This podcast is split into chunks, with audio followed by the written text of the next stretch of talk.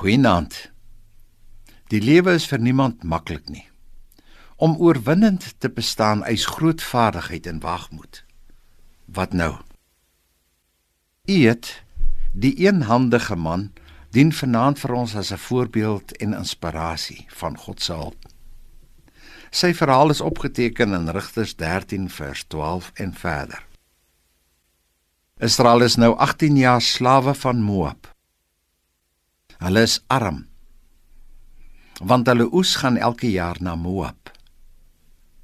Om in opstand te kom is onmoontlik want Israel se bewegings word fyn gemonitor. Verder is Israel leierloos. Wat nou gemaak? Tog is daar hoop. Die volk begin reg. Hulle bely hulle gruwelike sondes van nou en van gister en van eergister. Hulle pleit by God om genade.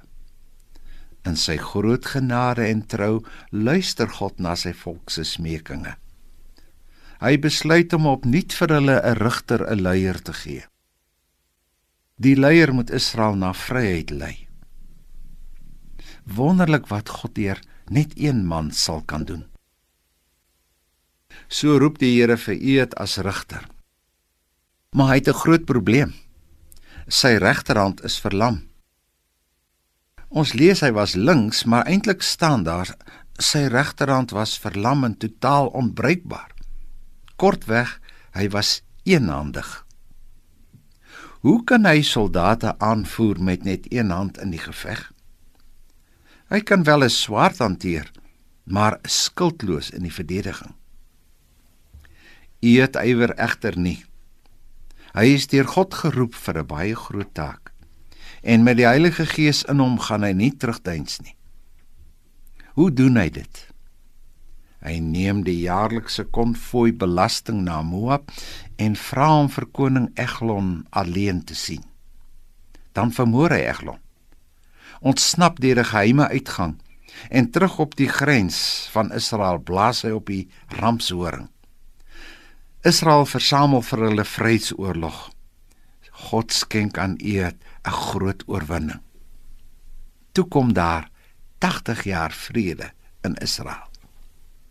Een man, ongeskik as soldaat, lei sy volk in 'n kontakoorlog en oorwin. So gebruik die Here steeds vandag gestremde mense, liggaamlik en geestelik, om sy wil op aarde uit te voer. Daarom mag niemand terugduins nie. Hoor jou God se oproep. Begin jou taak en vertrou op God Almagtig. Niks is vir die Here te groot of moeilik nie. Vader, dankie dat ek met my eie tekortkominge ook wonderlike werk vir U in U ryk kan doen deur U almag. Amen.